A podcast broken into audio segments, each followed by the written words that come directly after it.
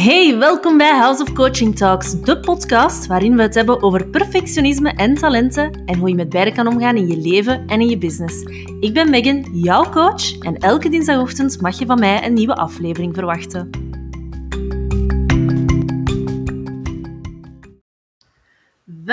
Bij deze nieuwe aflevering van House of Coaching Talks. Vandaag gaan we het hebben over een heel vies beestje dat de wereld deze dagen in de ban houdt. En nee, ik heb het niet over het coronavirus. Ik heb het over een vies beestje genaamd vergelijkitis. Jezelf vergelijken met anderen. Het is vandaag zo gemakkelijk geworden om onszelf te vergelijken met anderen. Het is zelfs bijna een automatisme geworden. En op Instagram zien we de ene blitse foto of reel na de andere en poef, daar komt die zelftwijfel. Maar wat maakt dat we ons vergelijken met een ander? En wat zien we hierbij over het hoofd? En vooral, hoe kun je wat meer op jezelf gaan focussen in plaats van op een ander? Wel, je komt het allemaal in deze aflevering te weten. We moeten er geen doekjes om winden. Hè? Social media zijn een geweldige tool voor verbinding, om nieuwe dingen te leren en voor marketing. Maar ze zijn verdomd ook lastig als je last hebt van vergelijkitis. Nee, ze werken het zelfs in de hand. En waarom eigenlijk? Omdat social media, en dat is niks nieuws wat ik nu zeg, alleen maar de mooie dingen tonen. En dan komen er natuurlijk van die accounts die ja, die de perfectie in het belachelijke trekken, zoals uh, Celeste Barber. Echt een aanrader trouwens, wel, dat account. En accounts die erom bekend staan om hun what you see on Instagram versus what it really looks like posts. Maar allemaal hebben ze het heel goed bedoeld. En ik vind het super dat zo'n profielen bestaan. Hè? Maar ze tonen ze tonen een stukje van de realiteit. Ze tonen dat vetrolletje, ze tonen het ochtendhumeur of de chaos van kinderen in huis hebben. Maar er is één ding dat ze niet tonen. En dat is het pad dat die persoon bewandeld heeft. Het blijft een momentopname wat getoond wordt. En ik heb het hier nu wel over Instagram, omdat het daar zo zichtbaar is. Instagram, Facebook, ja, alle social media. Maar hetzelfde geldt voor de offline wereld, de, de echte wereld eigenlijk. Je ziet het resultaat of een momentopname, maar je ziet nooit of heel weinig, heel zelden het pad. En je kent het vast wel, hè, dat je iemand tegenkomt, iemand die al een tijdje niet gezien hebt. Hè. Je geraakt aan de praten, jullie vertellen waar jullie in het leven deze dagen mee bezig zijn. En plots komt er een soort bewondering. Een bewondering voor hetgeen waar dat die persoon mee bezig is. En dat is allemaal heel goed, maar wat dat daarna heel vaak volgt, is die zelftwijfel en die vergelijking met jezelf. Dus de vergelijking van die persoon met jezelf. Maar de vraag is, waarop vergelijken we? Waarop baseren we ons? Op wat dat we zien eigenlijk. Een, een resultaat, die momentopname. En ik ben er zeker van dat jij ook wel zo iemand kent. Of misschien zelfs meerdere mensen. Iemand waarvan je denkt van, damn, die hebben het echt goed voor elkaar gekregen. En je ziet de successen, hè? de leuke job, huisje, tuintje, boompje. Het ziet er goed uit en alles lijkt zo effortless. En ik hoop dat dat voor die persoon ook effortless is. Maar heel vaak is de realiteit gewoon anders. Het resultaat kan fantastisch zijn, hè? zeker en vast. En daar werken we allemaal naartoe. Maar de mooiste mountain view komt na de zwaarste klim. En dat zien we vaak niet. Die klim zien we niet. En als jij je nu met iemand vergelijkt waarnaar je opkijkt, weet dan dat die persoon er waarschijnlijk ook niet zonder slag of stoot is gekomen. Hij of zij heeft waarschijnlijk ook ooit in jouw schoenen gestaan. Hij heeft de tranen gehaald die jij huilt, de nacht doorgewerkt en de stress getrotseerd. En ongetwijfeld ook de twijfel en het vergelijken gevoeld zoals jij dat nu voelt. Maar onthoud vooral dat het pad zich ontvouwt terwijl dat je het bewandelt. Wat die andere personen waarnaar je opkijkt al hebben bereikt, lijkt misschien een verre droom en op dit moment totaal onhaalbaar misschien in je hoofd, maar begin gewoon. Take the first step, onderneem actie, zet dat ene stapje in de goede richting en wentel jezelf niet te snel in, zelfmedelijden omdat jij nog maar op dit punt staat. En als ik mezelf uh, betrap op een gedachte als hoe ga ik ooit geraken waar dat ik wil staan, of als ik mij begin te vergelijken, dan kijk ik altijd eens eventjes terug. En ik ben iemand die met mijn hoofd in de toekomst leeft. Maar op zo'n momenten kijk ik ook gewoon terug. Dan kijk ik naar het verleden. Dan bekijk ik welke weg dat ik zelf al afgelegd heb. En heel vaak reken ik ook echt terug. Als ik bedenk waar ik bijvoorbeeld binnen één jaar wil staan, binnen twaalf maanden, op privé of op professioneel vlak, dan reken ik terug waar ik exact een jaar geleden stond. Van wie was ik toen? Wat deed ik toen? Hoe stond ik toen in het leven? Wat wist ik toen? En dan kijk ik naar vandaag. Oké, wie ben ik vandaag? En wat weet ik vandaag? En welke weg heb ik al afgelegd ten opzichte van één jaar, hè, twaalf maanden geleden?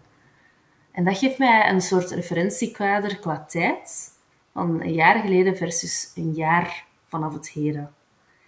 En ik weet dat veel mensen nu gaan denken, uh, op een jaar heb ik juist niks bereikt of, of er is juist niks veranderd.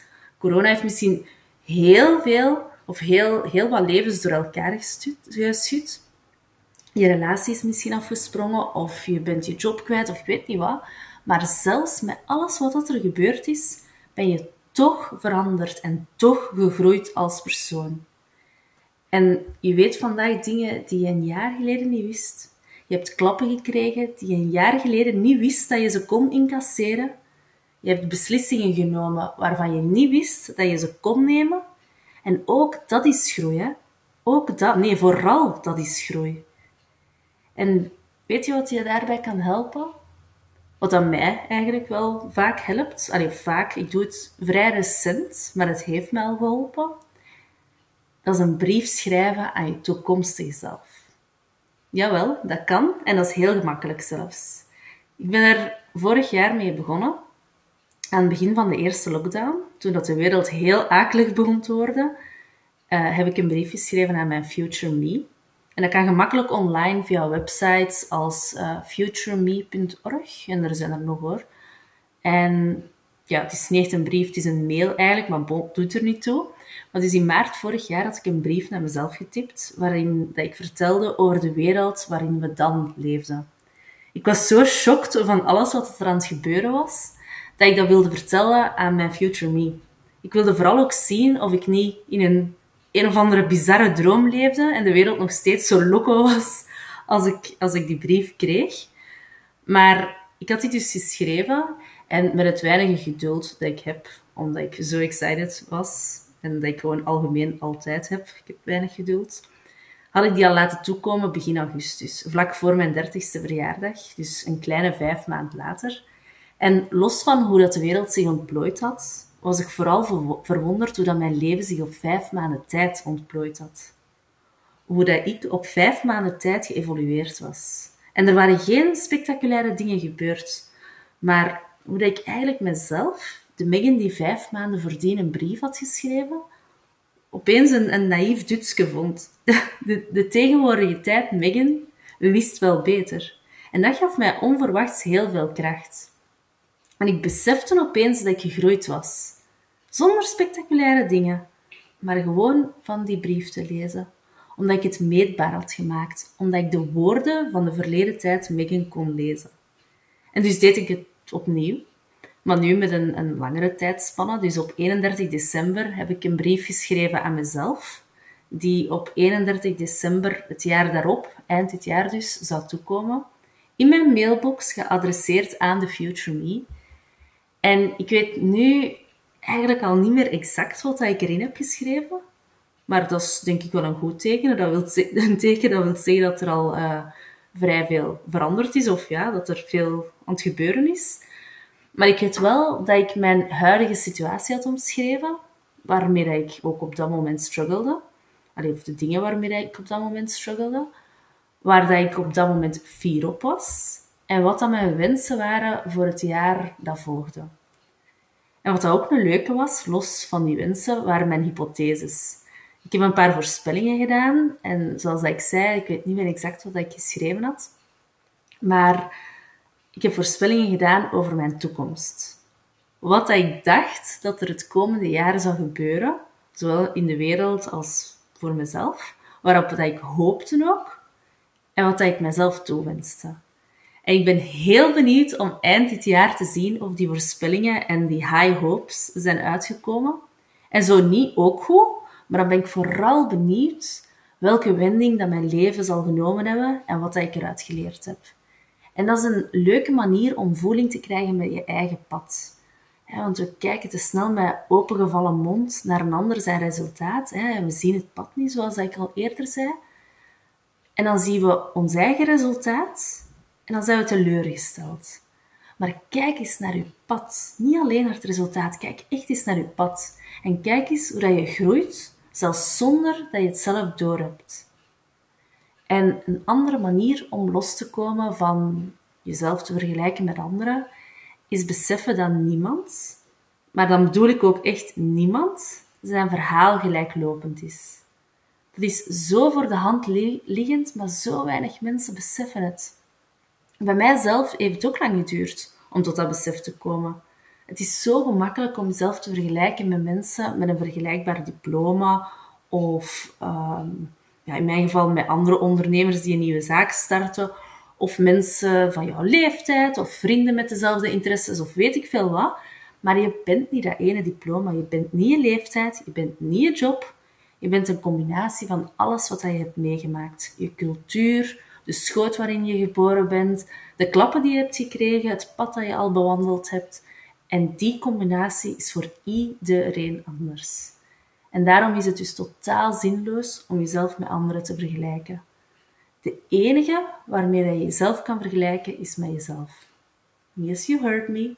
Met jezelf, met je vroegere ik. Met je ik van gisteren, maar ook met je ik van pak een uur geleden. Kijk naar je eigen groei en vergelijk daarmee. En zoals Danielle Krekels, de oprichter van Core Talents en de docenten bij wie ik in de leer ben als kerntalentenanalist het zou zeggen, het is net als appelen met peren vergelijken. Waarom wil je zo graag een peer zijn als je overduidelijk een appel bent? Als je alles in je hebt om een appel te zijn, waarom probeer je dan zo wanhopig een peer te worden? Streef er in de plaats naar om de lekkerste, zoetste, dikste, sappigste appel te zijn die er kan zijn. En daarmee sluit ik vandaag af. Wees geen appel die wanhopig een peer probeert te zijn. Vergelijk jezelf met je eigen pad en leer dat pad ook kennen. Bijvoorbeeld door een brief te schrijven aan je future me en te kijken hoe dat je groeit. En weet dat geen enkel levenspad gelijk is en vergelijken dat het daarom ook zinloos is. Heel veel succes en heb je een brief geschreven, trek er dan zeker een foto van. Uiteraard niet van de inhoud, maar van, van de brief zelf. En tag mij met houseofcoaching.be op Instagram. Veel plezier ermee en heel heel graag tot volgende week.